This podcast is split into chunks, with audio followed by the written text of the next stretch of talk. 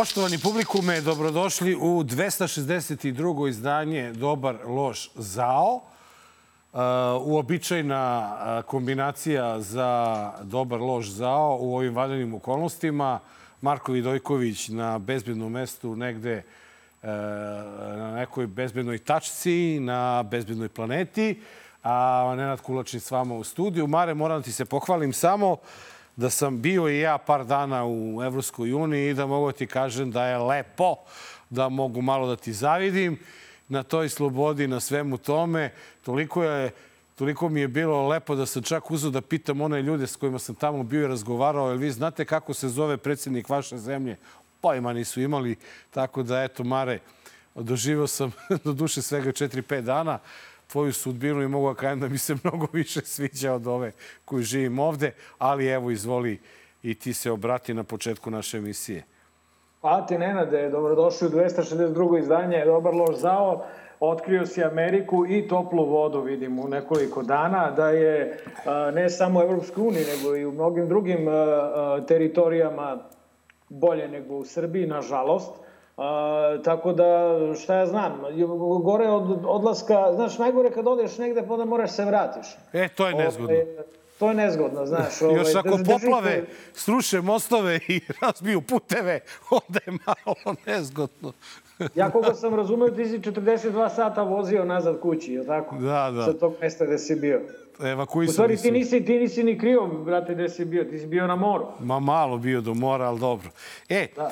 Mare, E, vidiš kako, kako, je, kako je zanimljiva nedelja za nama. Stvarno je bila pre, pre, uh, pre naporna što se tiče ne samo pojavljivanja uh, dragog nam predsjednika na malim ekranima, nego i zbog situacija koje su se desile. Ali ono što uh, je stvarno obeležilo to je da situacija na Kosovu kao da, barem među Srbima, kao da više nije u rukama uh, čoveka koji je jel, bog i batina života u ovoj zemlji.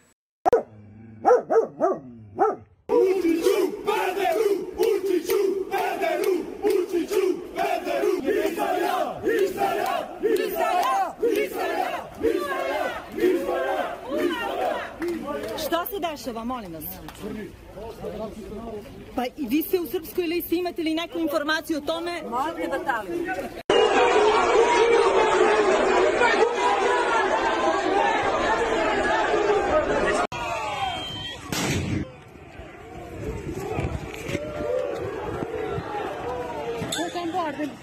Git, git, git.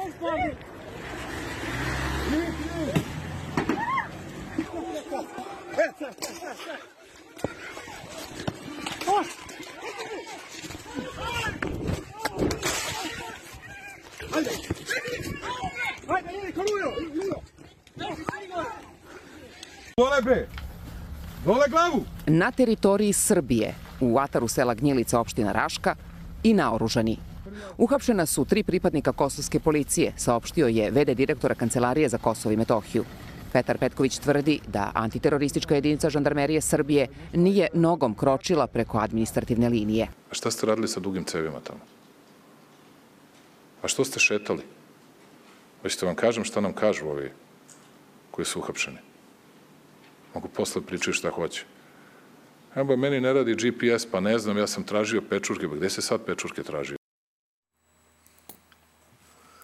Uh, uh, dobro, ovaj, uh, gospodin predsednik, dakle, uh, radi uh, ono što inače radi. Uh, diže tenziju maksimalno, ima odličnog partnera s druge strane, popuno nerazumnog Aljbina Kurtija, koji se, mislim, ja ne, ne znam, ne znam tačno kako bih ovaj, nazvao ponašanje ovaj, ova dva lika, Možda je nešto dogovoreno, zna se kako radi diplomatija, ovaj, naročito kada je reč o banana državama kao što su Srbija i njena odmetnuta pokrajina. Ja ne znam. Dakle, očigledno da je strategija Aleksandra Vučića da se uh, odugovlači i da se nepreskidno diže tenzija na Kosovu. Dakle, sa naše strane to je sa srpske strane, to je sa vaše strane, Nenade, ne postoji nikakav ni tračak spremnosti na bilo kakvo ovaj, popuštanje. Sa Kurtijeve strane smo još i čuli da oni, ovaj, kad se oslobode ova tri policajca i kad se pohapne... Mislim, to su, brate, stavovi uh, uh, strana koje su spremne da idu ovaj, u sukob do kraja. Videli smo da ih je Borelj zvao na sastanak, ni jedan ni drugi izgleda neće da odu na taj sastanak dok se ne oslobode pohapšeni, a ni jedan ni drugi neće da oslobađaju pohapšene. I ta situacija, rekao bih, super ide na ruku Aleksandru Vučiću. Ne znam kako ovo sve može da ide na ruku Albinu Kurtiju i Kosovu, ali Vučiću ide neviđeno. Dakle, on radi ono što najbolje zna, uh, odugovlači maksimalno. Da li je to zato što Uh, ka, kako će ga neko, znaš ono kao sad je rekao da neće da ide ovaj, na, na sastanak s Boreljom dok ovaj, se ne oslobode svi Srbi koji su pohapsili, to se nikad neće desiti. Znači, Kosovari, te likove što su pohapsili, nikad neće pustiti, jer oni za njih pričaju da su teroristi. Tako da, ne znam, ne znam, kako se tebi čini? Kad će rat? Po meni se čini prvo da je e, srpski narod na Kosovu malo e, zaoštrio situaciju ka Vučiću i da je postao svestan e, zamlaćivanja prethodnih deseta godina. E, ne bi Srbi iz Severne Mitrovice tek tako krenuli ka srpskoj listi, sediš u srpske listi i skandirali izda izdaja i Vučiću to što su vikali, zato što verovatno su mnogo verovali u sve one bajke kojim je Vučić pričao. Ako se setiš, Mare, ti i ja smo to umeli da komentarišemo. Ajde samo još jednom da priprete nekog Srbina i tako dalje. Onda se sećamo onog policajca koji je rekao predsjedniku, predsjedniče, loviće nas kao zečeve. On je rekao, neće Srbija to da dozvoli. Mi sad imamo situaciju da svakog dana po nekoliko Srba bude uhapšeno bez veze, a onda Vučić zakaže konferenciju o štampu i drži nam neke tirade bez, bez da kaže kako će te Srbe da izvuče iz zatvora. To je prva stvar. Druga stvar, znaš, ti i ja smo prestali davno da verujemo u slučajnosti i ja nešto nisam siguran da su ovi kosovski policajci slučajno zalutali. Ovaj, jer to je deo te priče da imamo e, dva neuravnotežena e, predsjednika, jednog države, drugog e, vlade i oni jednostavno smatraju da su im dozvoljena sva sredstva u ovom prljavom propagandnom ratu, s tim što je Srbija u malo nezgodnijoj situaciji zato što je NATO na teritoriji Kosova. I sada, umesto da se ispunjavaju stvari koje su definisane briselskim sporazumom i da konačno krenemo više napred, da se pomerimo sa mrtve tačke, sa koje očekujemo već 10 godina da se pomerimo, mi sad opet imamo neke poduslove, pa u fazonu ako vi pustite kosovske Albance, mi ćemo onda ovo, ako vi ne pustite uhapšene Srbe i ne napustite opštine i stvara se jedan galimatija za ti u stvari više ne znaš ni šta su zahtevi, ni kakvi su zahtevi, ni koga se tiče, ni da li će do... Tako da, uh, plašim se da će opet Amerika morati da preuzme stvari u svoje Uje, ruke i da, ovaj, da znaš šta, to. Znaš šta, Nenade, evo ja ću da podsjetim da sam ja bio Uh, jedini skeptik, svi ste bili u fazonu, on je pristao, sad su mu zavrnuli ruku, pristao je Brisel, pristao je Ohrid. Brate, lik, uh, uh, lik svakog koga stigne. Dakle, prvo laže svakoga, drugo, ja sam ubeđen da on čeka izbore u Americi. Dakle, on može ovako, ovo, ovim tempom, otišlo se jedan korak u napred sa briselskim sporazumom, pa onda sa novim briselskim, pa onda još jedan korak u napred sa Ohridskim i onda 16 koraka unazad sa izborima, sa uh, ovim uh, postavljanjem ovih uh, albanskih predsednika opština posle izbora i sa ovim sad, sa ovom totalnom sa ovim hapšenjima na sve strane, duge cevi, ovi traže pečurke, ovi biju novinare, naravno nadrljali su novinari kao i inače. Uh, ja mislim da, da uh, znaš, uh, on može biti, znači, nažalost, situacija ide ka tome da se može razrešiti na terenu, nažalost. E, to znači silom. Sve, sve vuče ka tome. Obe strane su izuzetno spremne da primene silu.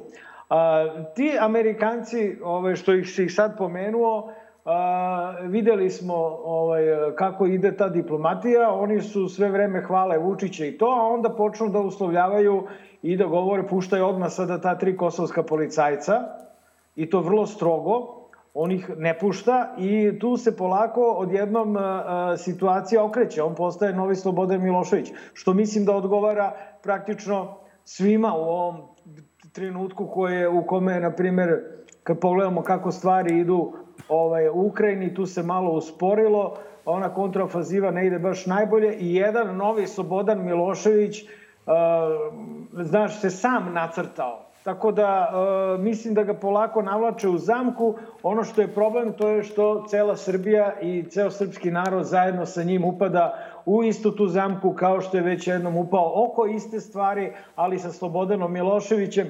Znači ti Amerikanci kažu fool me once, uh, shame on you, fool me twice, shame on me ili tako nešto, ali kao zezni me jedan put, ja sam glup, ali ne, zezni me jedan put, sram te bilo, zezni me dva put, ja sam glup. Tako da, uh, mi smo glupi, ti si video Nenada juče kad smo snimali, Ćuta uh, i ovaj uh, Aleksić su otišli dole na sever Kosova Zvečan. i tamo ih je u Zvečan i tamo ih je dočekao srpski narod koji, u kome uopšte nije do političara koji dolaze da sebi prave kampanju. Znači, kampanja na protestima je jedno, a kampanja na severu Kosova im očigledno nije mila. Ti ljudi su popunom, brate, haosu. Onaj čovjek mu dobro kaže, idi, brate, znači nemojte ovde da se slikate. Ona žena kaže, hoćemo podršku, ali šta će nam vaša? Vi ste klošari, treba nam podrška predsednika. Znači, da. E, to je, to je, brate, uh, haos i ja se samo, da... Ja se samo, Marko, plašim da, da, da ćemo posle sve ovoga što se dešava uh, mi kao Srbi doživeti potpuni, potpuni poraz na Kosovu i potpuni kolaps i to samo zahvaljujući ovoj mudroj politici našeg predsednika. A koliko je mudra politika, koliko je dobra i uspešna, naročito u diplomatiji, govori i e, opa, ode Neša. Govori... Nećeš bre, vraćaj se. Ode, ode stolica. Preterao sam. Govori i to kako se ponašao na konferenciji za štampu e, zajedno sa predsjednicom Slovenije. Posebno sam vam zahvalan na tom pitanju, jer to takođe pokazuje kakav je vaš odnos i drago mi je da ste vi naročito zainteresovani za unutrašnje političke prilike u našoj zemlji. Mi to ne radimo kad ste vi u pitanju, jer smatramo da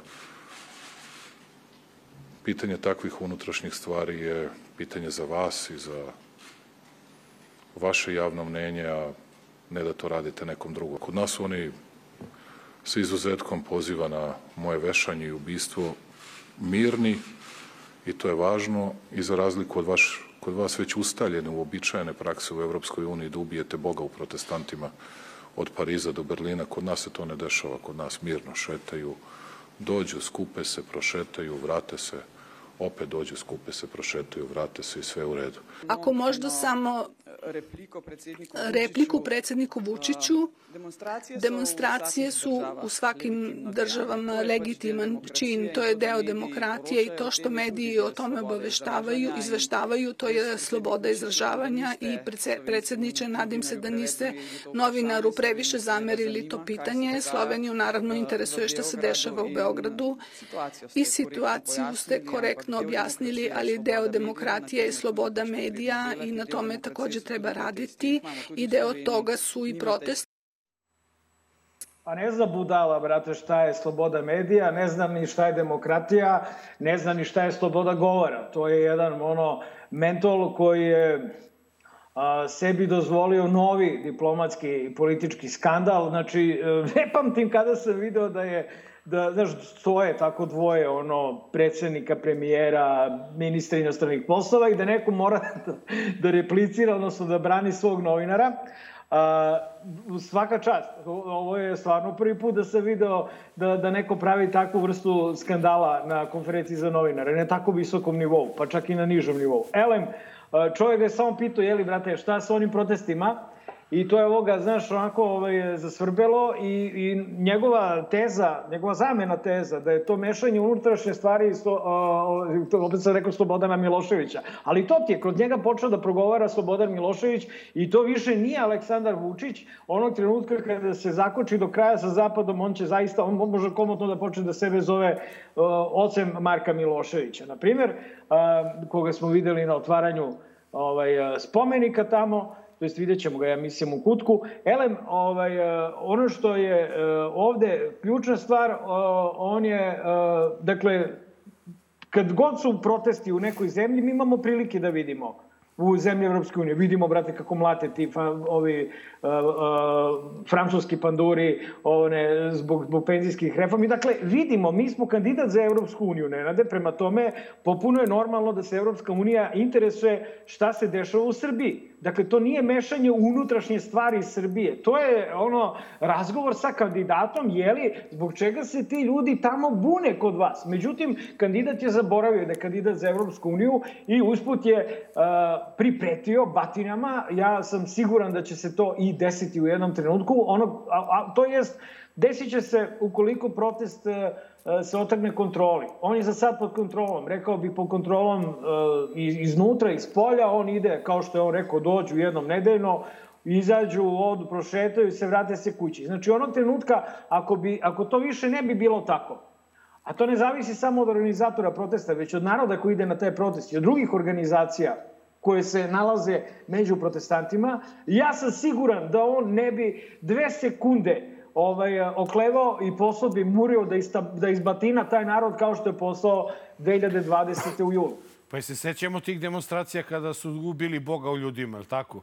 Da, da, leta, takvo, takvo, mlačenje, takvo mlačenje Nenade nise, nije videla Evropska unija. Da. Znači, to, to ne rade ni, ni francuski pandori tako. Kako, kako oni govore. A ovo je, Marko, samo jedan u nizu dokaza koliko mu smetaju protesti i ono što će se dešavati narednih dana to je da će se protesti raširiti po velikom e, broju gradova u Srbiji. Napokon će to i Šabac e, šetati protiv nasilja. Nije mi jasno zašto do sada Šabac nije šetao, ali dobro, eto, imaće sada priliku. Tako da, ja očekujem da će se možda incidenti predesiti u tim manjim sredinama nego, nego u Beogradu, jer su sve oči uprte ka glavnom gradu. Ovde je mala sredina idealna, što bi ti rekao, idealna je žrtva za, za neku akciju e, na, e, nasilnog tipa, tako da apel e, izbegava, da izbegavamo maksimalno bilo kakve provokacije i da primimo k znanju sve ove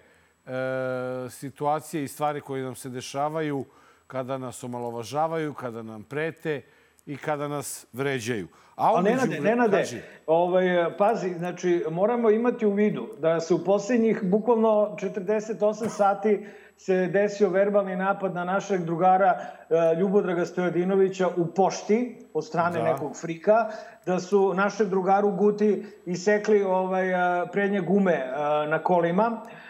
Moramo imati u vidu da je naša drugarica Biljana Stojković zajedno sa aktivistima privedena u stanicu da, policije Stari zbog grad grafita. zbog žvrljanja grafita.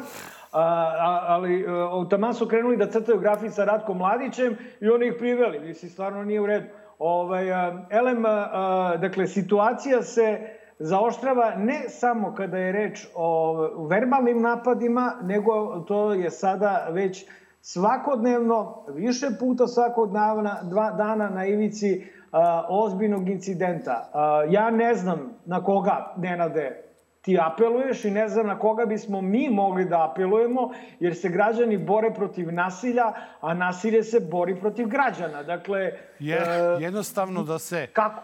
Jednostavno da se maksimalno povede računa o bezbednosti učesnika protesta kroz redarsku službu, da se ne dozvoli nigde da mogu da uleti i da naprave bilo kakvu glupost. A kažem ti, čini mi se da su lokalne sredine malo pogodnije za tako nešto. Svakako jesu. Ja ne znam da li opozicija ima toliko članova, koliko treba da ima redara. Redara, da, da, to je, to je tačno. E sad, jedan od e, motiva da se izađe na ulicu i da se protestuje protiv nasilja je upravo i ono što se desilo nedavno prilikom boravka inspektora Mitića, je li tako, Marko, na e, suđenju za Jovanjicu? Jovanjica nije afera, već fabrika Skanka, izjavio na suđenju inspektor Dušan Mitić. Potvrdio da su iz vrha bezbednostnih službi stizale poruke da je Jovanjica državni projekat VOAIB-a i da ne sme da izađe u javnost. Ovo je ono što njega najviše, izvini, zagrcao sam se na ovaj grožđe iz Urugvaja. Ovaj, dakle, ovo je ono što njega najviše plaši. Ne protesti, nego e, to što e, imaš dva policajca ugledna koja na, na visokim funkcijama i živa i dalje ovaj, kucam u drvo, ovaj, koja vrlo otvoreno govore o tome, e, o sprezi e, organizovanog kriminala i državnog vrha.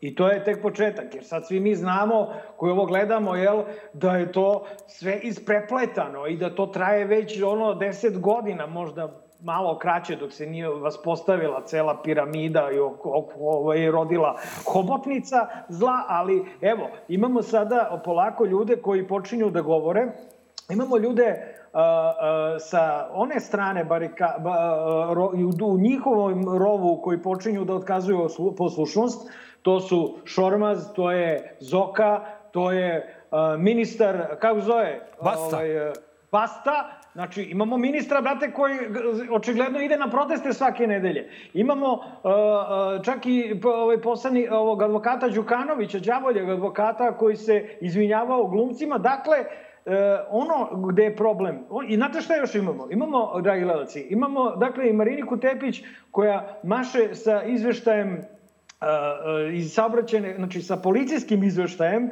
saobraćene nesreće u kojoj učestvovao kum Nikola Petrović, gde je on pozitivan na kokain i ima 4 promila ne znam koliko Alkohol. ima, ne 4, 0,4 promila alkohola u krvi. Dakle, do sada bi takve stvari za opoziciju objavljivo informer. Prema tome, nešto se dešava i mislim da to njega puca i zato ćemo stići do ovog sledećeg priloga da vidimo koliko ga puca ludilo i frka. Ovaj, mislim da je on pao u paniku najviše zbog toga što osjeća a, a, u, u, u svojim e, redovima otkazivanje poslušnosti. To je ono i ova dva policajca su dokaz da ne samo da je reč o, o, o, o otkazivanju poslušnosti, nego o, o uspostavljanju institucija unutar popuno korupiranih i upropaštenih institucija, u početku uspostavljanja institucija. To je ono čega se on najviše plaši, jer kad prorade instituciju, on će morati na robiju. E, ne samo to, nego si ti primetio da e, u poslednje vreme počeli su informacije da cure i to ne samo e, zvaničnim kanalima, nego i nezvaničnim kanalima. Sve više novinara dobija informacije o tome šta se dešava unutar SNS-a, tako da Vučić se nalazi u veoma nezajednoj situaciji, sa svih strana puca. Prate sa... policijski izveštaj o njegovom kumu koji je tužio krik, razumeš, i koji nije ono, e. kako bi rekao, sardina, razumeš, u svemu ovome. Je, I, to je stvarno i, ono ovaj, velika stvar. Ova, ova, ova dva policajca, uh, znači Mali Senta i Mitić, ili tako? tako oni je. su, to, to, to su meni ljudi koji ulivaju nadu i poverenje da u toj policiji ima ima kvalitetnog kadra i da ljudi su spremni da se bore protiv kriminala, ono što je njihov posao. Jer, uh, evo Marija, te pitan, da li si ti možda čestitao svoje vremeno Bratislavu Gašiću dan bija? Telefonom, porukom? E, nisam, nisam, ovaj, nismo se davno čuli. Nis, e, vidiš, tebi je, na primer, zvanično je saopšteno i ministar je priznao da je imao prepisku sa vlasnikom Jovanjice i da je on njemu poslao poruku da mu čestita e, dan bije. E sad, ja postavljam pitanje, ovaj, što bi on njemu čestitao dan bija? Ajmo, drugari, svi sad lepo kada je dan bija, da svi pošaljemo Vulinu poruku nemoj, SMS, nemoj, nemoj, srećna godišnica bije. Mislim, ne razumem nemoj. uopšte otkud čovek koji proizvodi paradajz, navodno, a nezvanično jer ima fabriku droge, otkud on da uopšte ima broj telefona direktora BIA? To meni nije jasno.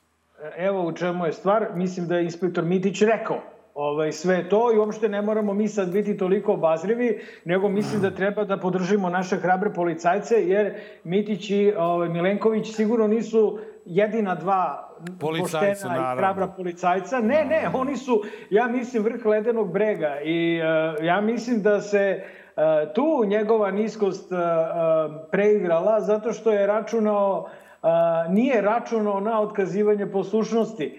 Uh, I ko zna odakle, on je, on je sve svoje ovaj, uh, snage usmerio ka ministru Stefanoviću, ko zna koliko takvih ima koji su spremni da ga prodaju sutra, verovatno 95%, ali već u ovom trenutku uh, to što cure pandurski ovaj, e, e, zapisnici sa lica mesta stvarno govori da, e, da u policiji eto, su provalili dakle, da, da, da bi ipak trebalo možda stati i na stranu pravde, zakona i naroda. Tako da nemamo pojma, znaš, mislim da postoji dosta stvari, pošto ti znaš, Nena, da smo ti ja sad, ono, malo smo proredili kontakte sa našim drugarima iz ove opozicije, da im ne bi kvarili posao, da citiram našeg druga Ćutu, tako da mi nemamo informacije šta se možda još dešava, a da mi ne vidimo. Da ne znamo, osim, jasno, osim jasno. protesta na ulicama. Ono što je bitno, i s time ću završiti, to je da protest ne sme stati. Znači da ti ljudi da ne sme stati, a postoje, dakle, razni razlozi iz kojih protest a, može da, da, da, da stane ili da pukne, pre svega godišnji odmori.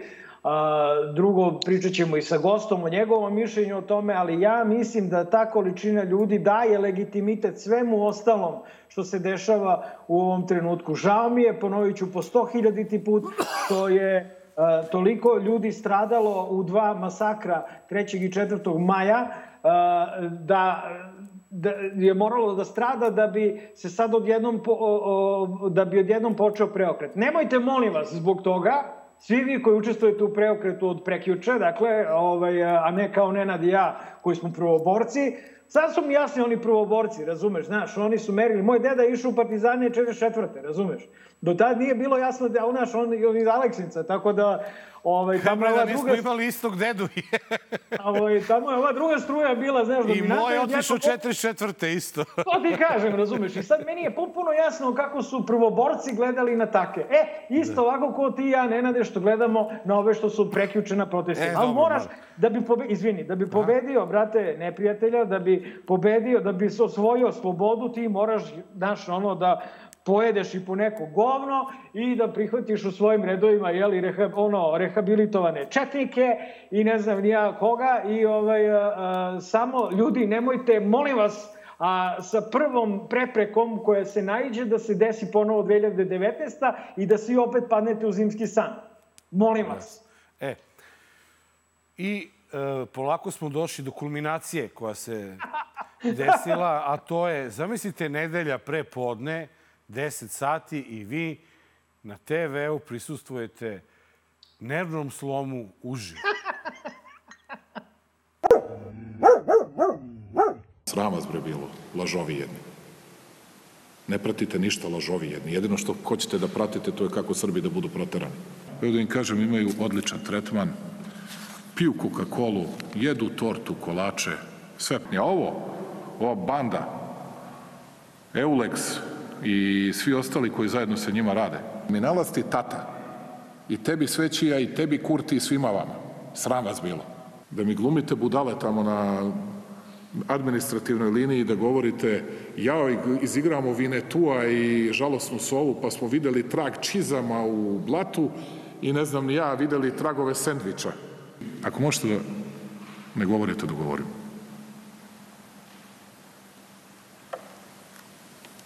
Ako ste već došli ovde, imate pravo da čujete, prekinite dok ja govorim.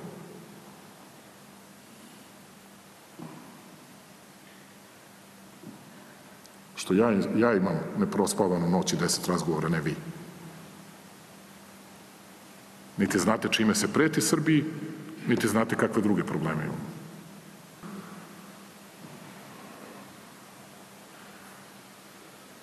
Ovom olovkom bi gađao svakoga ko je doveo taj Eulex.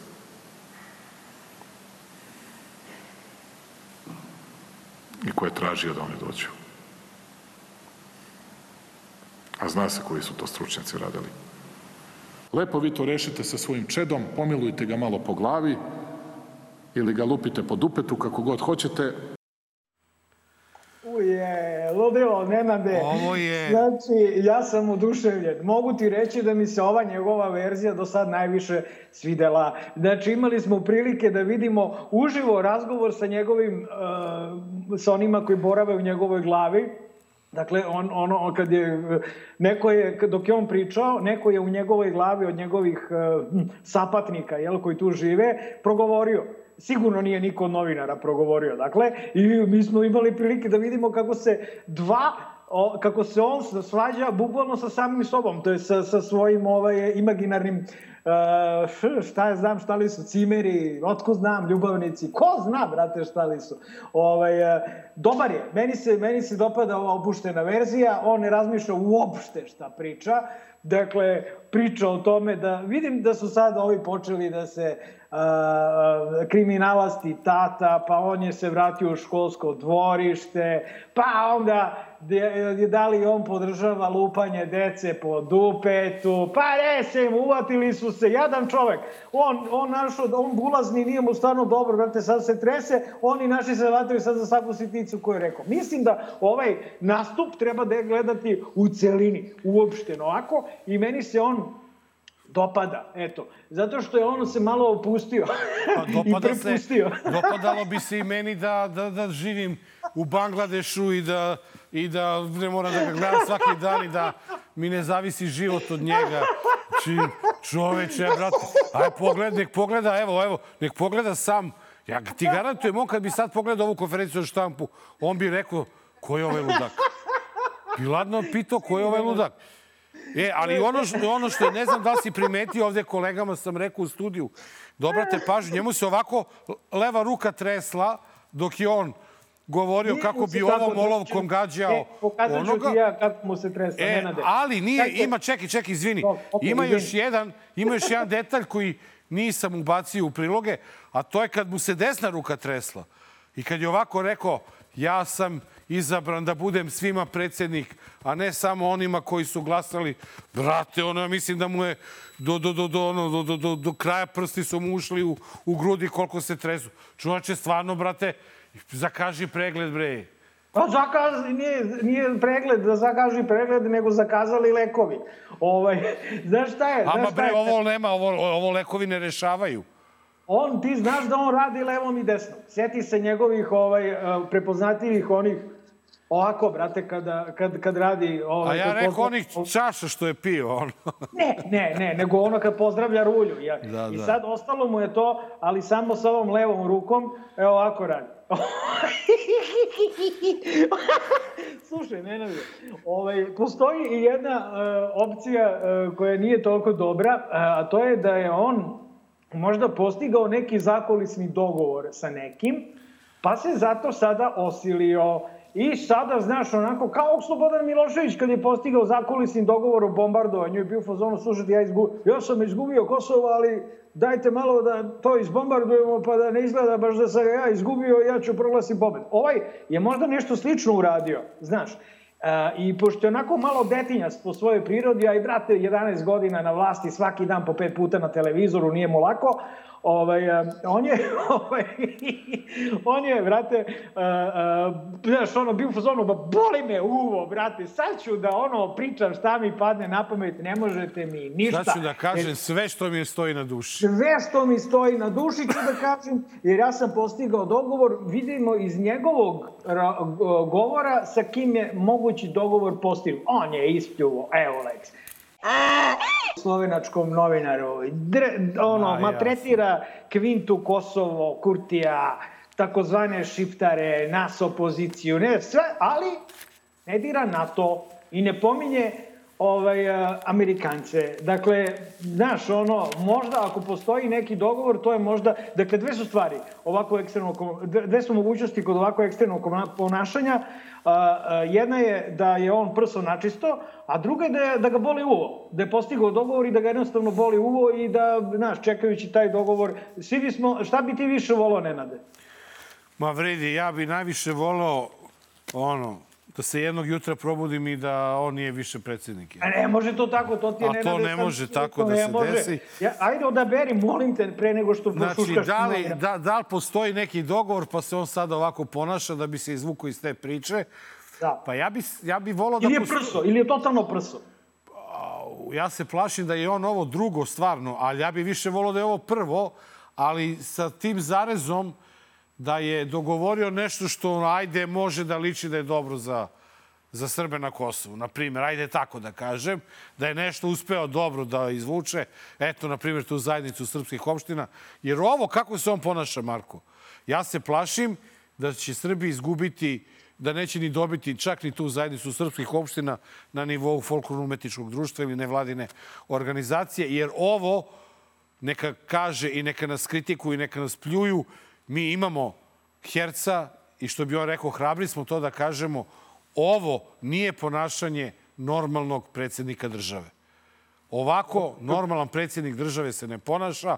Ovako kako on radi, ja da sam Kurti, ja bi tek rekao, izvinite, ja nemam nameru da sedim sa njim, da pregovaram.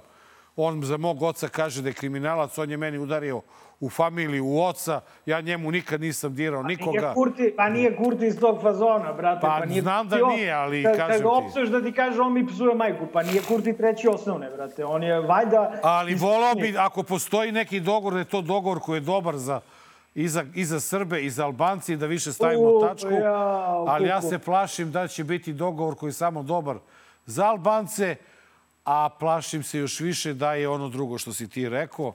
Tako da do tada, dok ne dobijem odgovore na ova pitanja, čitajte danas i novu i pratite novu RS, a mi idemo na kratak džingl i vraćamo se u studiju. Dobar, loš, zao. Braćo i sestre, Srbi i Srpkinje, 262. izdanje podcasta Dobar loš zao. Mene još drži od prvog dela emisije. Euforija. Dakle, naš gost prvi put u Dobar loš zao, sociolog i popredsednik pokreta Srce, Slobodan Cvejić. Slobodane, dobrodošao u naš mali šašavi podcast. Dobar dan. E, ja bih dodao samo i profesor na Filozofskom fakultetu. Eto da se Eto. zna. Tako je. I Nenad, to. je ti predavao, je li ovo nešto preko Jeste, veze bilo? jeste, jeste. Ja sam, kad sam ja studirao ovaj, na prvoj godini, Slobodan mi je, kod Slobodana smo išli na vežbe i statistike. Da, da. Da, da, tačno sam znao. Kad mi je rekao, ja rekao sociolog, rekao mora da je neka veza. Slobodan je šalim se. Ajde da, da pređemo, već smo prekardašili u prvom ovaj delu. Da te pitam nešto, kako se tebi čini uh, razvoj, kako se, kuda se razvija građanski protest u ovom trenutku? Vidiš, to je e, bitno pitanje zato što ja kao sociolog imam ovaj, e, i drugačiju perspektivu od one koja je uobičajena i prati neka dnevno politička dešavanja i slično. Ovaj, koja meni omogućuje da imam više optimizma vezano za sve te proteste. E, Dve stvari su jako bitna a, tekovina ili rezultat koji smo već ostvarili na ovim protestima, a bi, mnogo su važni za ono što će se dešavati nadalje u Srbiji što je bitno i za našu decu, ne samo za nas. E, jedna je da a, kroz ove proteste sad, koji mene, ako gledamo neku dinamiku razvoja jednog društvenog pokreta, demokratskog društvenog pokreta, ovome podsjeća otprilike na onu fazu u kojoj smo bili 96. 7. godine, 90. godine u Srbiji. Jer sve što se u Srbiji desilo od uh, samog početka 90. do 5. oktobra je u stvari jedan društveni pokret koji je imao razne faze rasta, sazrevanja, opadanja, kolebanja i tako dalje. Recimo da to liči na tako nešto. Naravno, ne može da se pravi direktna paralela jer mi živimo u, drugačijim društvenim okolnostima sad. Ali ono što je bitno, a, a, čitava ta tekovina demokratskih postignuća u Srbiji 90. godina se sada kroz ovaj protest prenosi na nove generacije. Druga važna stvar, posle niza protesta u zadnjih recimo 10 godina, po prvi put možete da vidite mnogo mladih ljudi na, koji učestvuju na protestima. To znači da sazreva nova demokratska politička generacija u Srbiji. Naravno, ovde ne govorimo o jako velikim brojevima, ali važno je da imate uvek jedno stabilno jezgro za nešto tako. i ovaj, mislim da ne treba da se brinemo za to da li će postojati demokratska politička opcija u Srbiji i kasnije. E sad, pitanje je političke veštine i nekakve uh, strategije da se to artikuliše na određeni način i da prevlada u Srbiji, da zapravo time se postigne određeni rezultat. A za tako nešto znamo da je u stvari u dinamici uh, jako važno ko povlači prve poteze i da zapravo specifična težina jedne političke grupacije je važna, a ne samo ukupan broj nečega. Tako da ovi protesti zapravo ne treba da se odmeravaju samo preko toga koliki broj ljudi učestvuje, nego ko su ti ljudi, kakve poruke nose, koliko su istrajni, koliko daleko mogu svojim porukama da dopru do nekog drugog i tako dalje i tako dalje. Ja bih voleo da predupredimo sada ovaj, um, um, neki problem pre nego što je skalka, da, da, da kažem da juče kad smo snimali ovu epizodu je objavljeno saopštenje a, roditelja iz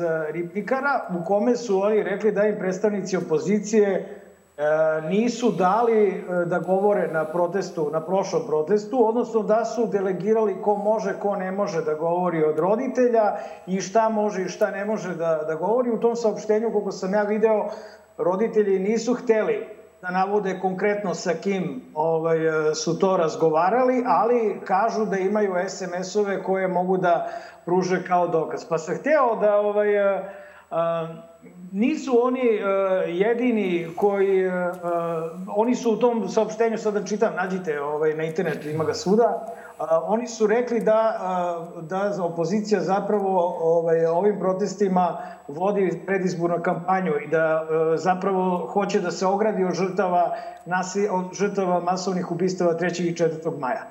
Ajde sada pre nego što uh, se javi još neko da čujemo tvoje mišljenje kako ovaj, konsolidovati situaciju u takozvanim našim redovima? Pa to je, ja sam čuo za tu priču još juče ovaj, iz druge ruke. E, to je najklizaviji teren, da kažem, na, u ovakvoj situaciji i ja da sam se našao u toj poziciji, a, makar tu grupu ljudi bih pustio da iskažu ono što imaju. Ne vidim ja neku lošu nameru u tome. Ja mislim da, da samo i ovi koji su prihvatili da budu organizatori e, protesta i rade to u poslednje vreme, osjećaju veliku odgovornost za to šta će se reći na toj bini i tako dalje. Ali e, roditelji iz Ribnikara, pogotovo roditelji stradale dece i ovi ostali su, kako da kažem, e, posebno osetljiva i posebno važna grupa u ovom trenutku a samim tim oni su zaslužili da imaju nekakav e, poseban tretman u čitavom tom kontekstu. Tako da ako je tako bilo, to, to je e, malo nesrećan ishod svega, ali ja mislim da to može da se prevaziđe nadalje i, i ovaj, da neće predstavljati neki poseban problem. Mislim da, da u, u krajnjoj liniji, pošto prolaze nedelje, uh, protesti odmiču, dešavaju se razne druge stvari, da svi mi koji dolazimo na te proteste bavimo se njima na bilo koji način. Ne smemo ni jednog trenutka da zaboravimo od čega je to krenulo. Jer Vučićeva a, a, taktika normalizacije svakog zla koje se u ovoj zemlji desi će onda ponovo ostvariti neki rezultat. Bilo bi stvarno dodatno, dodatna viktimizacija oni koji su već podneli žrtvu u svemu ovome, da se na kraju kaže, eto, desilo se.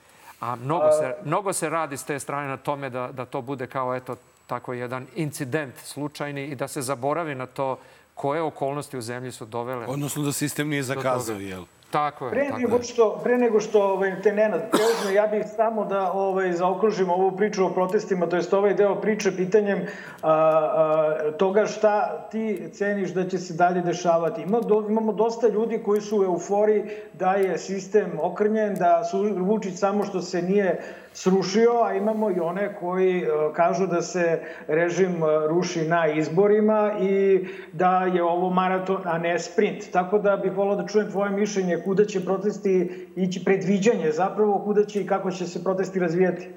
Ja mislim da je odlična stvar što je broj gradova u kojima se ovo dešava porastao i e, to je verovatno najveći dobitak koji sad možemo dobijemo da se ovaj impuls i ovaj novi politički trend pojavi uživo u što više gradova. Gledajte, tu ima sad mnogo malih mesta u kojima se nađe grupa ljudi koja hoće da istupi i da kaže nešto.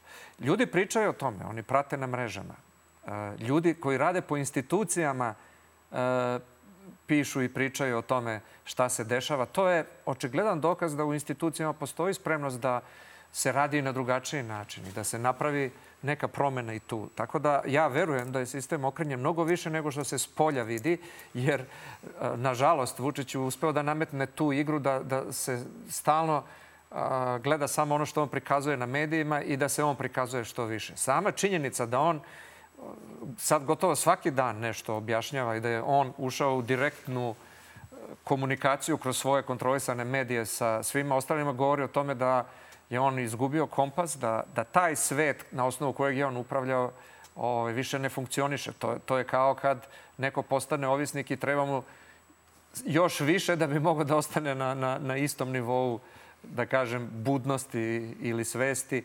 Sve su to signali da, da, ovaj, da se taj njegov sistem ras, raspada, ali da će se raspasti koliko sutra, to ne verujem. Mislim da još moramo da radimo na tome. I da je ovo odličan način. Ako se bude i koordinisalo da u jednom danu više gradova ovaj, napravi takav uh, skup, da će to biti odličan signal. Jer ja sam čak mislio u nekom trenutku možda bi trebalo svi oni koji su u Beogradu da odu u neki grad. Očigledno to sad ne mora. E, e, ima onih, mnogo onih koji su dolazili iz drugih gradova u Beograd na protest. Ovaj, neće beogradski protest opasti zato što će još neko subotom držati u svom gradu. Ali mislim da je to bio odličan potez. Ako to nazovemo nekakvom radikalizacijom, e, to je to. To je bila dobra stvar. Naravno da postoje sad druge dodatne stvari koje mogu da se preduzmu u nekim sledećim koracima. Uh, vidjet ćete i, i kad bude krenula neka uh, naredba da se sad drugačije pristupa, možda sa više sile uh, protestima, da ni to, ja mislim, neće ići tako lako kako oni misle. Ovaj, tako da ostaje da vidimo. Ne, niko ne može baš sve do detalja da predvidi. Ako mogu da dodam u ovom delu, evo za mene je, to sam i okačio na društvenim mrežama, apsolutni hit ovaj, prošlih protesta u Beogradu bila jedna e, grupa od 6-7 mladih muškaraca i žena iz e, mesta u kojem je moj otac rođen, iz jednog sela u zapadnoj Srbiji, koji su došli da iskažu svoj protest protiv, e, protiv e, ovog režima. To selo se zove Donje Crniljevo. E, nisam očekivao da sretnem tako nekog. Oni su me prepoznali, ovaj, popričali smo malo i to je meni u stvari bio signal dokle je ovo stiglo. Ja ih nisam pitao za političku orijentaciju i ne mislim da je u ovom trenutku to bitno. Dajte da uredimo sistem, da napravimo normalne političke institucije, pa ćemo onda da razgovaramo ko je u, u kojoj političkoj opciji, ko se s kim slaže ili ne. Ali da to bude na jedan normalan način i kroz institucije sistema, ne ovako kako sad izgleda. Donji, Donji Crnjeljevo je tu negde kod Šapca, tako, opština Vladimirci ili kod Celjeva. Kod Celjeva, da. Da, tako, eto, mare, malo učimo evo, i geografiju, da učiš malo Srbija, u zemlji. Srbija centar radi već na tome da, da uspostavi odbor i, I u Šapcu da. smo uspostavili prošle subote i E, to I znam da je. E sad, razgovore. ono, ono što, je, što je nas najviše zanimalo kad smo mi hteli tebe da e, ugostimo, to je situacija oko Rema. Ti si Aha. bio član Rema i e, što se kaže, pokušao si iznutra to da nešto uradiš. E, nisi uspeo, nisi čekao da se ne znam šta desi pa da onda podneseš ostavku, već odmah kad si video da ne možeš dalje, e, ti si odustao te priče. E, Nisam baš odmah, ali... Ne odmah, da, ali svoje probao si, probao si. Kriterijum. Da. E sad mi kaži, molim te, kako Zašto smo mi u pravu, mi, kad kažem mi, mislim na sve ljude koji izlaze na ulice širom Srbije, zašto smo mi svi u pravu kada tražimo da se raspusti REM? Pa, pazi, e, e, suštinska je stvar u tome da ta institucija ima ključnu ulogu e, u održavanju zakonitosti i nekakvih etičkih standarda u elektronskim medijima elektronskim medijima koji su najuticajniji i najznačajniji I u našoj zemlji, u nekoj zapadnoj bih možda i rekao, dobro, pa nema veze, ljudi su sad uglavnom na internetu.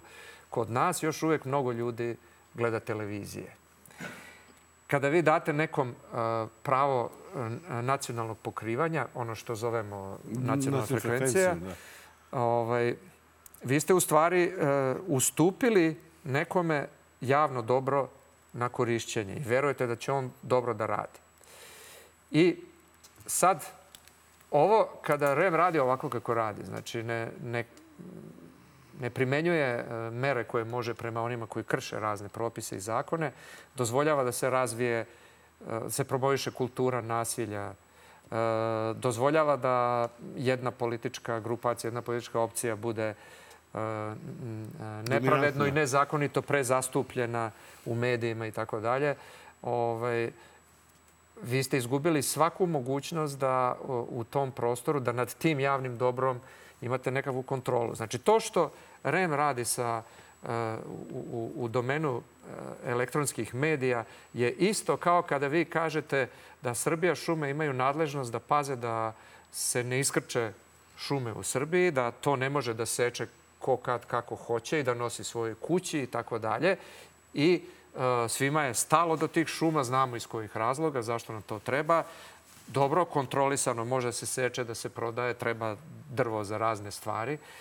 I uh, Srbija šuma, Srbija šume kažu meni je ovaj prijatelj ili od ovog sam dobio neke pare ili slično, seci, nosi, nema problema. Mi smo svi na Srbija šumu, šume preneli uh, ovlašćenje da ona vodi računa o nečemu što je naše zajedničko dobro. Jer vi znate po zakonu čovjek koji ima privatnu šumu, On ne sme da mora seče šumar kako da hoće, mu kaže šta sme i kad sme da seče. Znači, to je toliko važno dobro da i kad je deo u privatnoj svojini ne može, Ne može. tek tako, jer moramo paziti o pošumljavanju. Ista je priča i ovde. I sad imate devet ljudi u Savjetu Rema, imate kancelariju Rema koja se stalno zaboravlja u ovim razgovorima. To su ljudi koji su tamo za stalno zaposleni i nisu promenljivi. monitoring, je li to? Ne samo to, imate kancelariju, imate direktorku kancelarije Rema. Vrlo važna pozicija u svemu ovome, jer ona je konstanta u, čitavoj priči, a članovi saveta su smenjivi. Imate sekretara kancelarije, onda imate načelnike službe za nadzor, pravne službe, finansijske službe, pa tek onda zaposleni. I Ima sve to u 80 i funkciji. nešto ljudi. I sve to u funkciji Pa gledajte, to vam je sad isto kao i ono pitanje, jel, e, gledali ste film ili čitali knjigu čitači, znate, to pitanje odgovornosti oni koji su bili na malim funkcijama, da li su oni bili svesni i znali nešto i tako da. dalje. Ovaj, to pitanje u, u nekoj fazi ilustracije za koje se ja nadam da će uslediti posle ovoga će morati da bude otvoreno.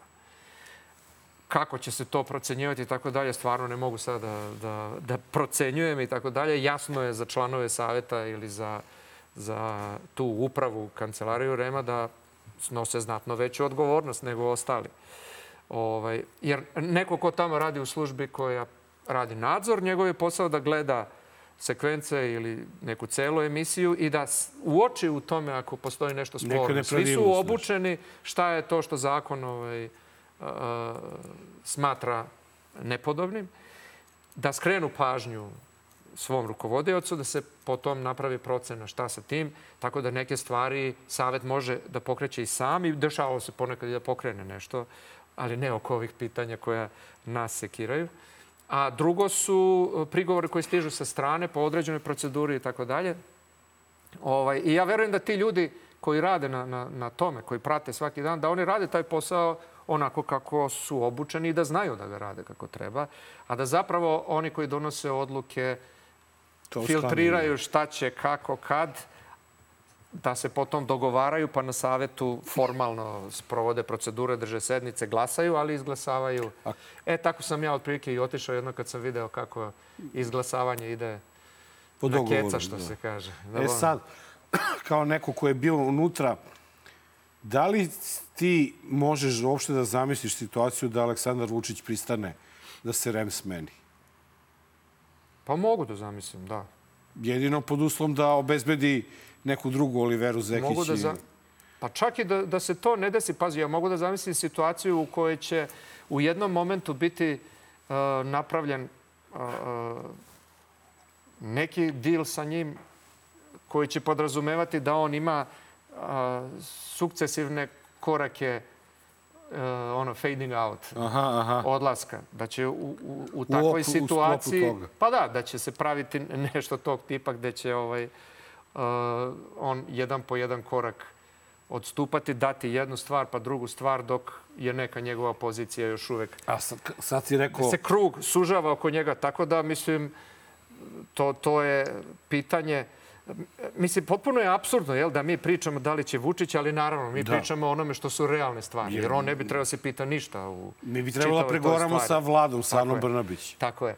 Jer ta stvar ovaj, ne bi ni trebalo da ide samo tako što će neko sa ulice vršiti pritisak ili, iako je to legitimno, da se razume, to je demokratsko sredstvo, ili što će, ne znam, se pisati peticija.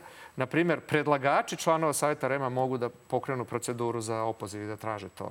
E, Skupština koja izglasava svakog člana Savjeta Rema može, liniji, može da pokrene tu proceduru. Znači ima nekoliko igrača, da kažem, ima nekoliko aktera na sceni koji tu ulogu mogu da odigraju.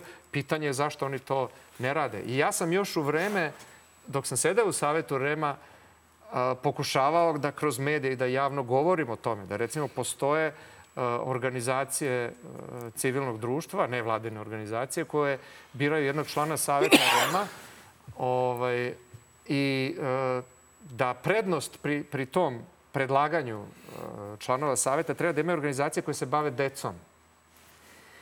Te organizacije u Savetu Rema predstavlja čovek za kojeg ja iskreno verujem da, da, da ovaj, nema čak ni kapacitet da obavlja taj a, posao funkcionalno, koji je a, radio u nekom udruženju osoba sa invaliditetom i na taj način je kao predstavnik nekih udruženja dospeo na to mesto i reizabran pre godinu dana ponovo on, a da ni jedna organizacija koja se nije bavi rekla, decom čekaj, nije malo. postavila pitanje čekajte pa šta piše ovde. Ni jedna jedina. I mi i dalje imamo programe koji su direktna opasnost za decu.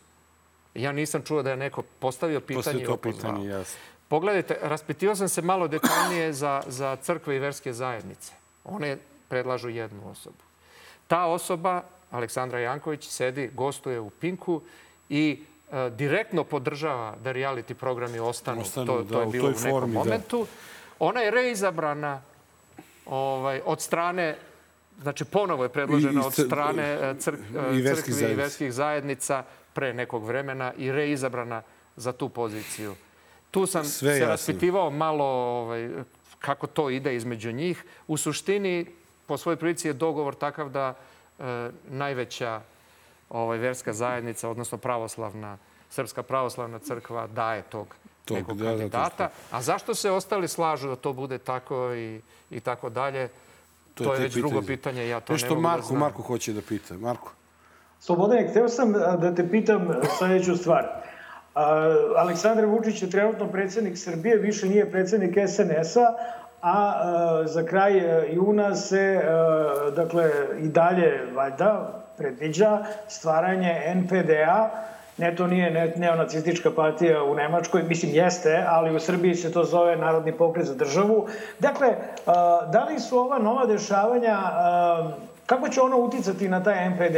Dakle, šta misliš, Slobodane, kuda će Vučićeva politika da skrene, u, o, o, kuda će da se račva ovaj, od, od ovog trenutka nadalje?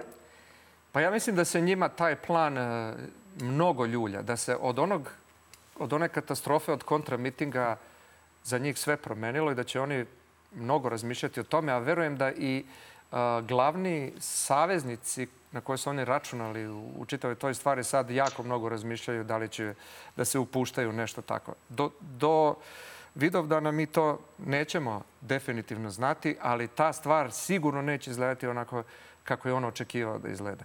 Mi smo juče objavili, Srbija centar je juče objavio jedno a, saopštenje povodom godinu dana od, od Šapićevog dolaska na mesto gradonačelnika u Beogradu i tu smo u stvari prokomentarisali to kako Vučić radi te stvari. Jel?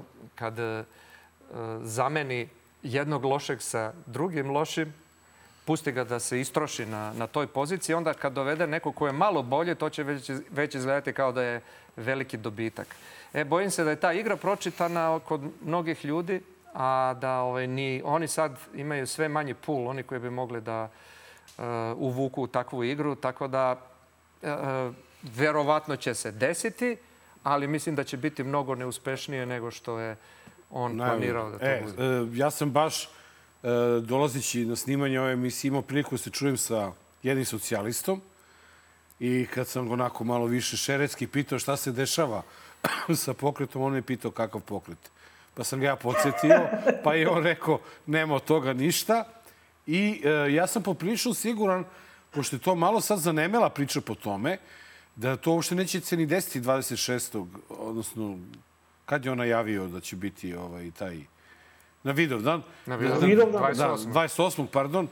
Pa kad će Nenade? Koji nam je drugi Pa datum? ne, zato što će 28. na Vidovdan da se desi nešto na Kosovu, koliko smo shvatili sa ove konferencije štampu. Tako da će on verovatno sačekati nekog drugog sveca, neki drugi verski praznik. Pa ne, moguće je da, da se sprema neki scenario koji će povezati te različite Te stvari. različite znači ono mogućnosti. što, što svi možemo očekujemo i vi to znate i građani već znaju, imat ćemo veliku predstavu. To, To je jasno, definitivno, ali to je sad već postalo toliko... E, ali spomenuo si e, e, tokom razgovora jednu reč pregovori.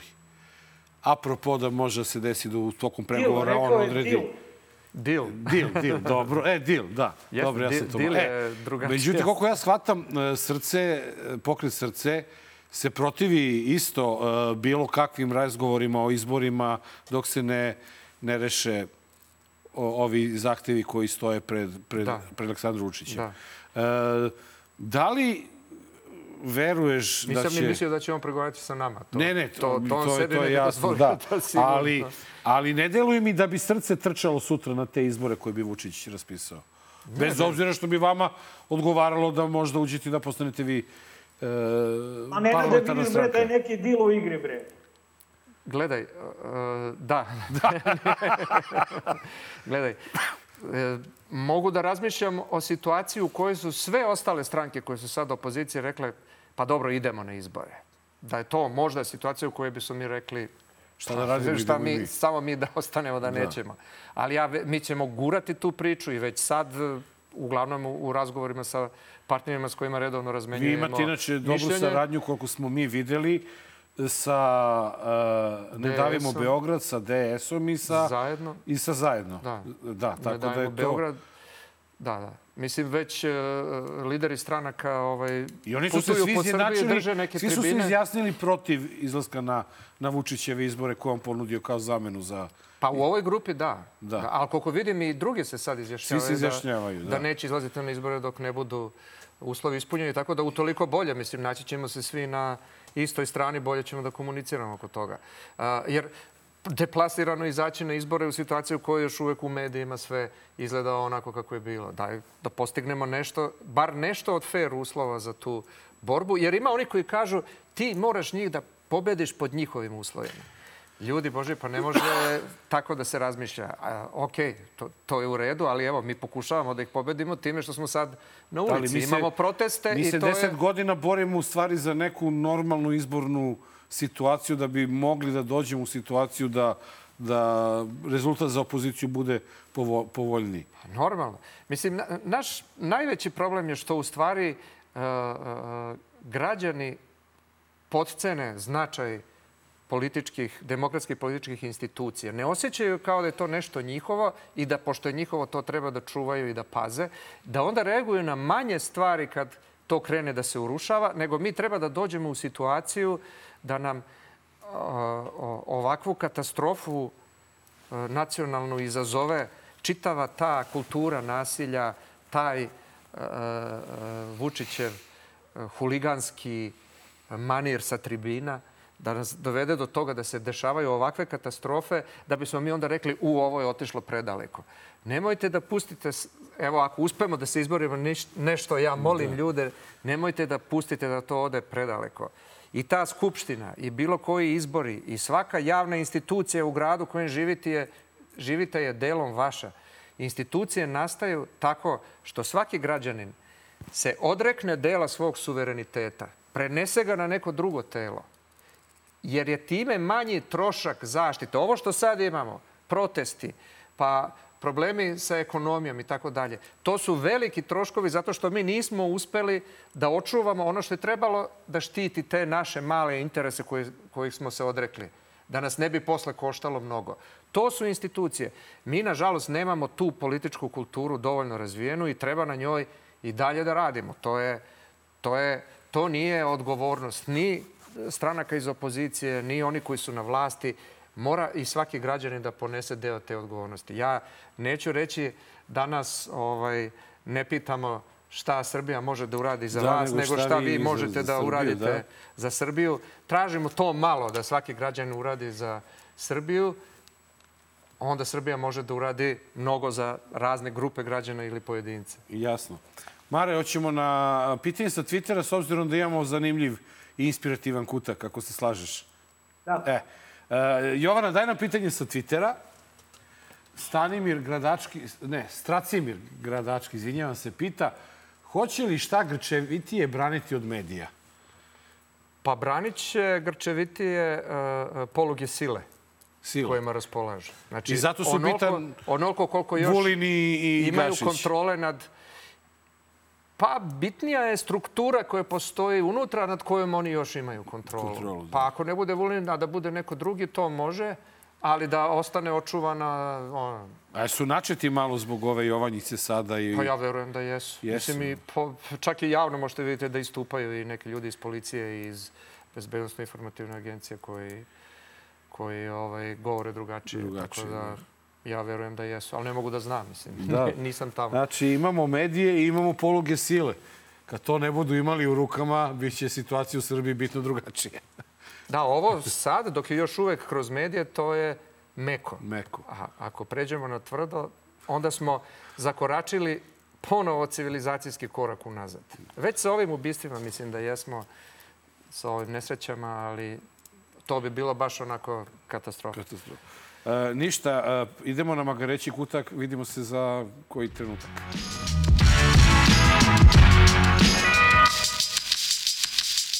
Dobar loš zao 262. Sa nama u studiju je profesor dr. Slobodan Cvejić. E, mi krećemo u avanturu zvani Magareći kutak i naravno s kime bismo počeli nego sa predsjednikom. E sad ću da pitam. I lično, da budem iskren, ne mogu više fizički da izdržim. Nijednu noć ne mogu da spavam, jer ja, za razliku od vas, znam šta se zbiva noću na severu Kosova. To je bukvalno sve vri. Deca hoće, deca su spremna da poginu od 12, 13 i 14 godina, što moramo da sprečimo. Siti su kurtija, siti su svih laži, svih mogućih.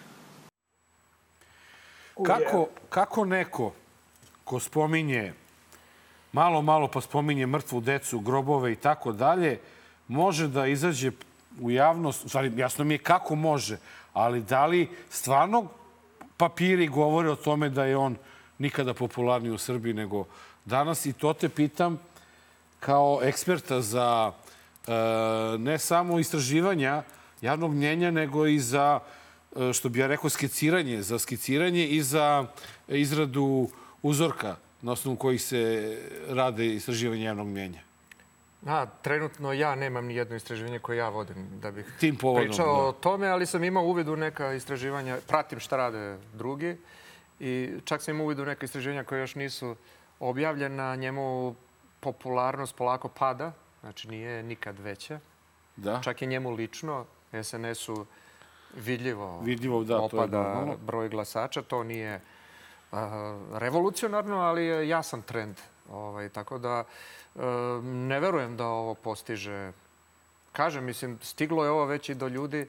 Vidim čak i na društvenim mrežama po tome iz mog kruga ko kako komentariše kako reaguje i reaguje na, na te neke stvari da su mnogi ljudi pročitali ovu igru. Dugo im je trebalo, ali su pročitali i shvatili šta on radi. Tako da A opet, ako se pitamo kako mu uopšte uspeva ovoliko, kažem još jedno, mislim, e, ovo je vrlo spretna i, i dobro izrežirana i vođena igra sa medijima i uvek sam govorio da ne treba podceniti to koliko je, koliko je on ozbiljan igrač, da ovaj, to treba uvek imati na umu.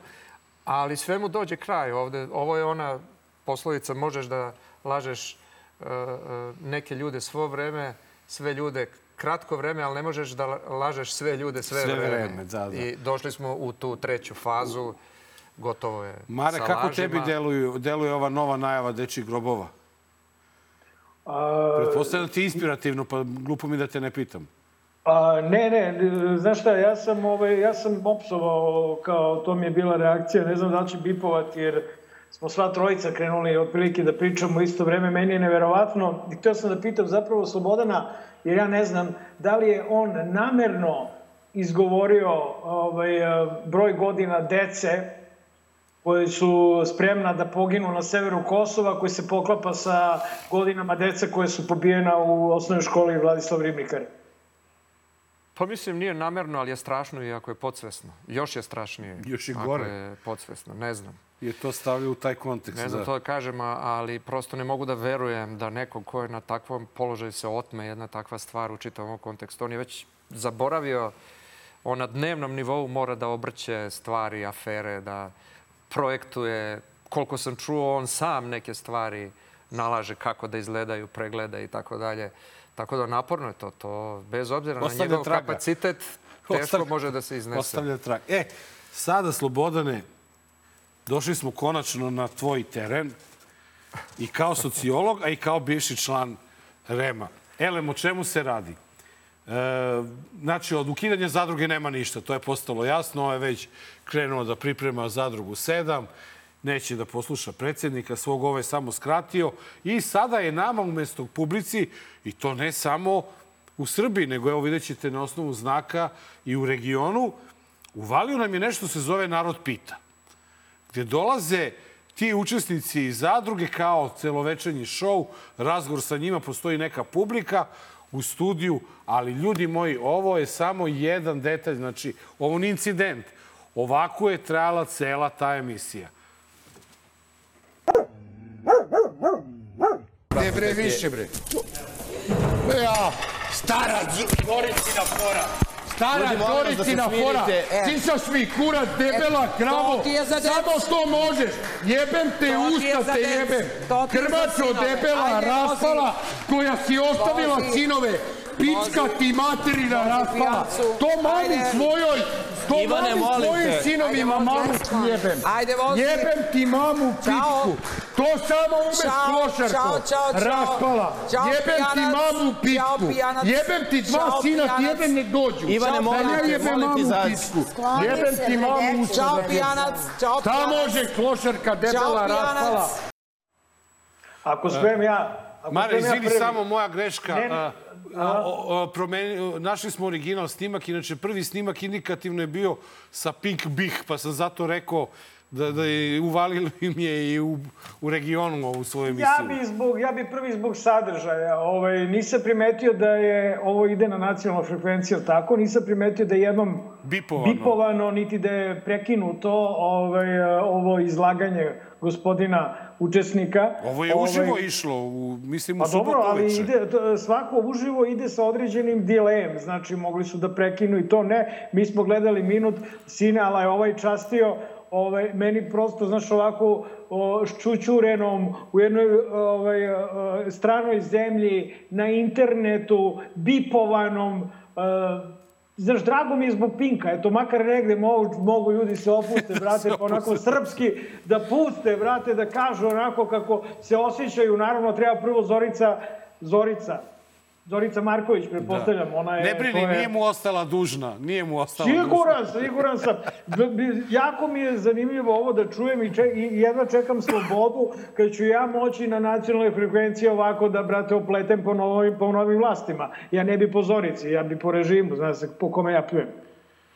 Ja pretpostavljam da ste proverili da li je ovo bilo na nacionalnoj frekvenciji ili na internetu. Jeste, jer pošto ovo je... Ovo je to sam naučio u, vidi, u Remu. Ovo, ovo, ovo kada, sam, kada sam snimao ovo, ja sam to ušao o, ono, u, u, onaj, Kabel.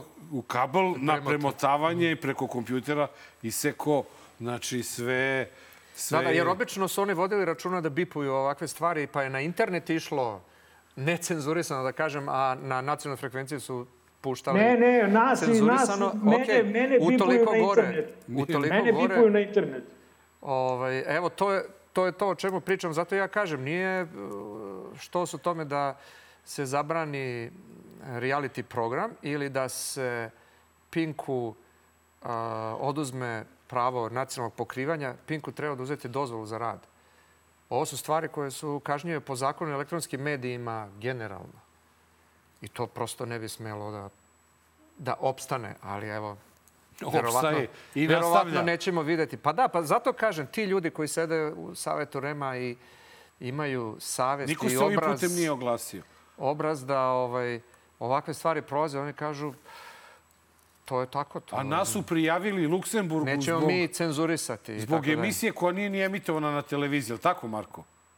Pa, brate, prijavili su nas 50 puta, a onaj lažov je rekao u Skupštini za samo jedan put. Tako da ako ja imam informacije iz Rema, jer e, od jedan od tih 80 ljudi koji tamo rade i moj izvor, oni su, on mi je rekao da su oni slali Luksemburgu svaki put kada misle da je, dok je emisija išla na kablovskoj i na internetu, svaki put kada su mislili da je predsednik uvređen, oni su se žalili Luksemburgu. I Luksemburg im je jednom odgovorio i rekao im, ljudi, to je umetnička sloboda. Drugo, brate, mi smo išli na a, kablovskoj i bio sam bipovan. I bio sam se slagao sa tim da budem bipovan na kablovskoj. Sada, sam bipovan na internetu i sa tim se slažem, jer je osetljiv trenutak i ono, znaš, Mare ne sme da psuje dok je osetljiv trenutak, nije frka, nije stvarno problem, psovaću u knjigama, mislim, ono, i psovaću kad dođe sloboda, eto. Ali hoću da kažem da je razlika stvarno ovaj, dramatična. Pa to je, to je pitanje kod tumačenja umetničkih sloboda gde ćeš reći e, ovo već ne može. A, ali to je njihovo shvatanje umetnosti prvo, pa tek onda sloboda. Mislim, ovaj način i, i ovaj primitivizam, to mislim, ne može da se svrsta pod tako nešto. Ovo sigurno nije umetnička nacionalnoj- sloboda. Na nacionalnoj ovo je frekvenciji, ovo je cela Srbija da. mogla da vidi na televizoru.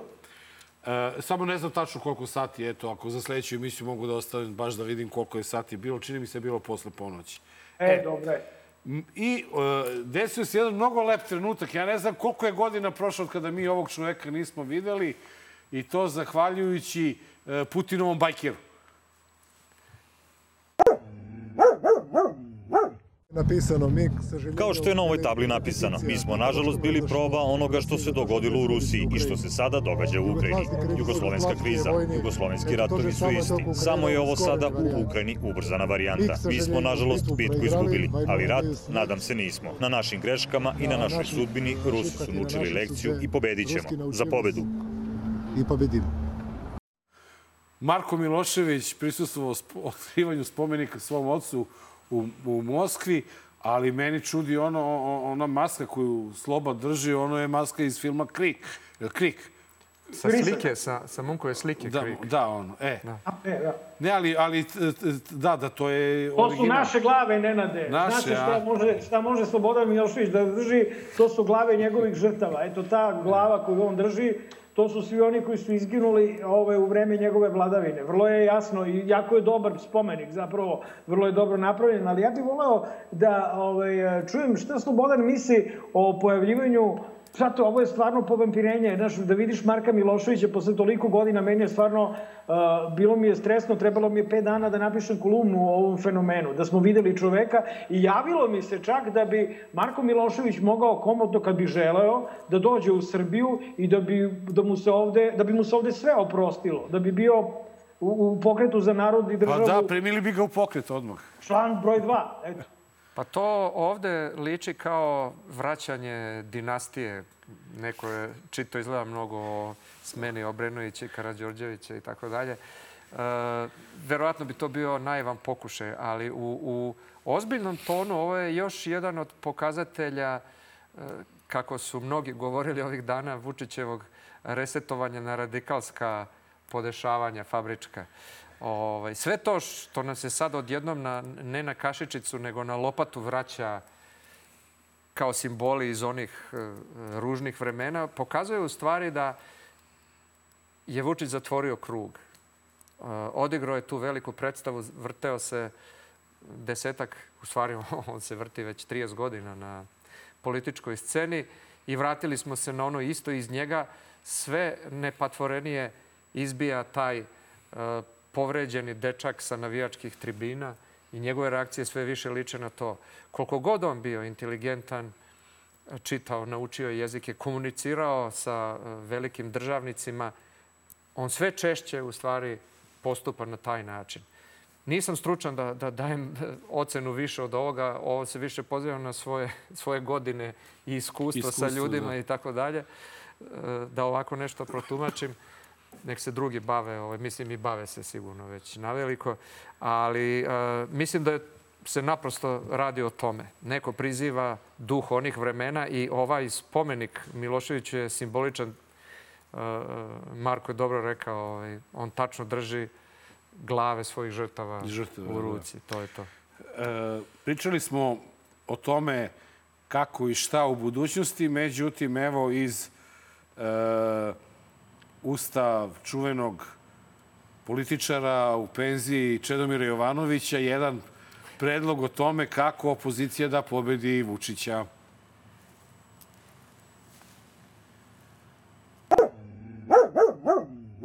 Kod, kod, kod Vučića je 2 miliona i 200 hiljada birača. Da bi ga pobedio, moraš da uzmeš te glasove njemu. Kako da? Tako što mu priđeš. Drugačije ne može. Jer Vučić prišao, jesu Toma i Vučić prišli Tadiću? Jesu. Jesu, jesu skinuli tarabu, promenili onaj znak? Jesu. Skinuli bedž? Jesu. Otišao Toma, obišao Erbas u izbornoj kampanji. Vučić doveo Đulijane, plovi sa njim, Savom, gledaju Beograd na vodi.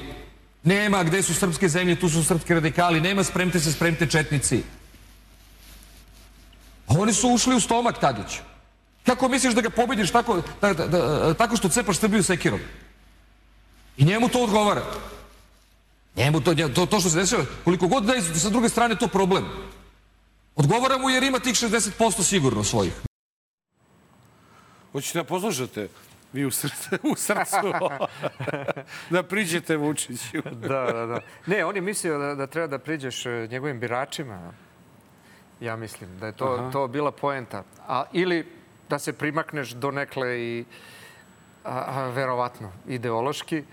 Ove, šta znači primaći se Vučiću ideološki? Kod njega nema ideologije, ti ne znaš da ne možeš da proceniš šta je to čemu bi se primakao. Znači, treba se primaknemo populizmu, e, manipulaciji, e, lažima, prevarama. Ali svako komu... To je jedino, jer, jer manje više na taj način, evo sad ljudi uviđaju da su i prevareni, i slagani, Jeste, da su izmanipulisani. Da, ali svako ko njemu priđe dobro prođe. Ne, dobro, Jovanović je mislio da, da se priđe u ovom smislu. Pretpostavljam da nije mislio da se uđe u, u savjet sa njim. Mada odeš kod Marića u, u emisiju, već si mu prišao već do nekle. Neki pa način, da, da, to je šta god tako mi da. mislili, moramo da budemo viđeni ili da, da uđemo u medije i tako dalje. Dobro, Čeda ima ponekad e, dobre observacije. Ja ne znam je li ta njegova penzija pre, preuranjena ili... Pa ne znam, ja ne vidim da je učestvuje na izborima ili bilo šta drugo. Mare? A, znate šta, a, ja sam primetio da opozicija upravo to i radi.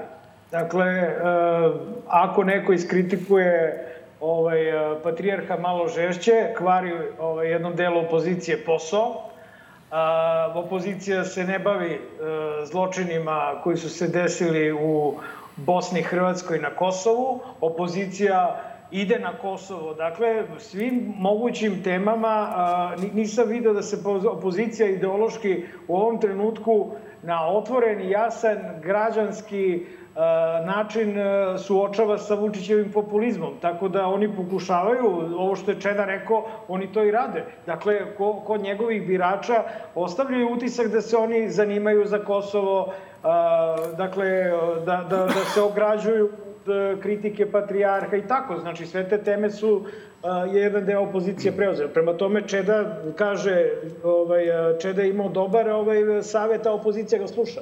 A ne samo to, nego verovatno je Čeda mislio na Dejana Bulatovića.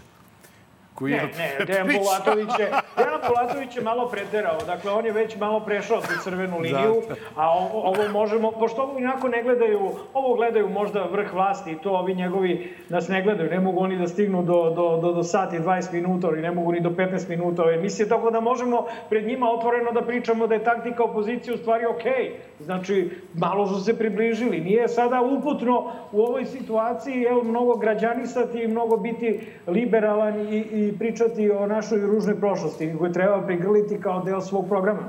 Ali gledaj, Marko, da budemo realni, ja mislim da je ovoliki broj ljudi i ponovljeno, konstantno na ulici iznenadio i ljudi iz opozicije. Jer u prvom trenutku protesti nisu krenuli tako što su oni pozvali nekog da izađe na proteste. Građani su izašli prilično spontano na to. Onda je bio dogovor, ajde da neko treba da preuzme odgovornost za to, ajde da mi budemo organizatori, ali naučili smo lekciju da ne izlazimo u prvi plan, nego samo da pomažemo da to funkcioniše, jer treba stvarno omogućiti obezbeđenje i Ovaj, eto sad postoji govornici, pa već se javljaju malo neki problemi, ali dobro.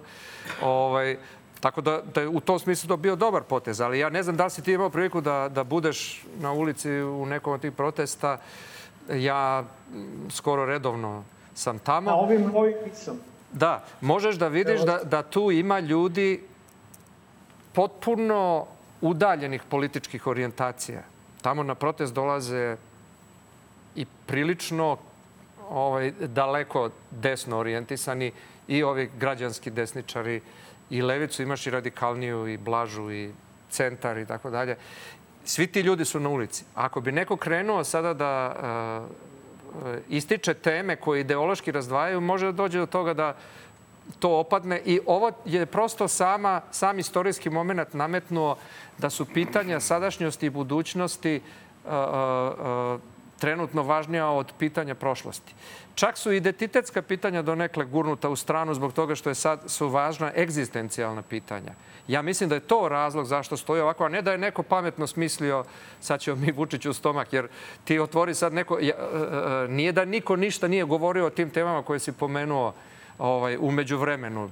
Bilo je situacija kad se o nekim od tih pitanja izjasnio neko iz Nedajmo Beograd, o nekim drugim pitanjima se znam da i Ponoš prokomentarisao i ja sam prokomentarisao ponekad neke poteze patrijarha i tako dalje.